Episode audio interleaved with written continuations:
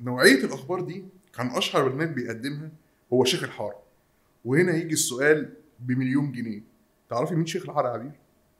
آه أعرف شيخ الحرم إيه مين يا عبير؟ مين وريح شعب مصر كله يا عبير؟ شيخ الحاره طيب شيخ الحاره في البداية كان آه، بسمه وهبه بتعمل البرنامج ده على قناة القاهرة والناس.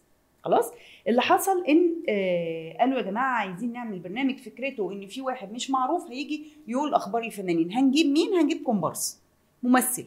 عادي. لسه طالع أو يعني من الكومبارسات أو من المجاميع يجي يقعد نديله المعلومة ويتكلم.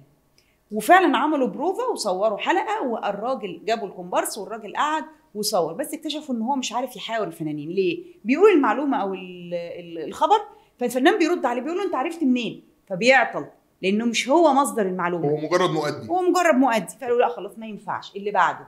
هنجيب مين؟ جابوا وقتها قعدوا مدير التحرير بتاع البرنامج اللي هو اسمه محمد معوض صحفي زميل. معلش بقى يعني إحنا بنقول أسرار بعضينا بس معلش بقى سامحني.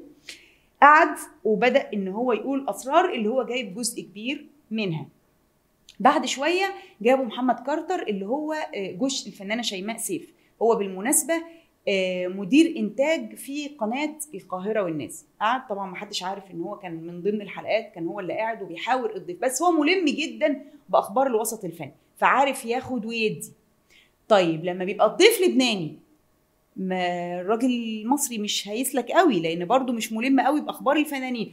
في الكوافير اللي كان بيبقى موجود وقتها في البرنامج اللي هو اسمه مازو ده كوافير مشهور كانوا بيجيبوه يقعدوه المهم إن في النهاية كلهم بيبقى الشكل واحد لما بيتحول لظل. ما ينفعش يبقى واحد رفيع قوي أو واحد أتخن قوي لا يعني بيختاروا اللي بيبقى شكله ماشي مع الشادو اللي بيبقى ظاهر. يعني هم أكتر من شخصية في النهاية. أكتر من شخصية لكن دلوقتي لما راحت قناة النهار راح معاها محمد معوض هو اللي موجود لحد النهارده. هو اللي عمل الحلقة بتاعت حسن. شاكوش هو اللي عمل ال ال ال الحاجات دي كلها. آه اللي بعد كده طلق مراته.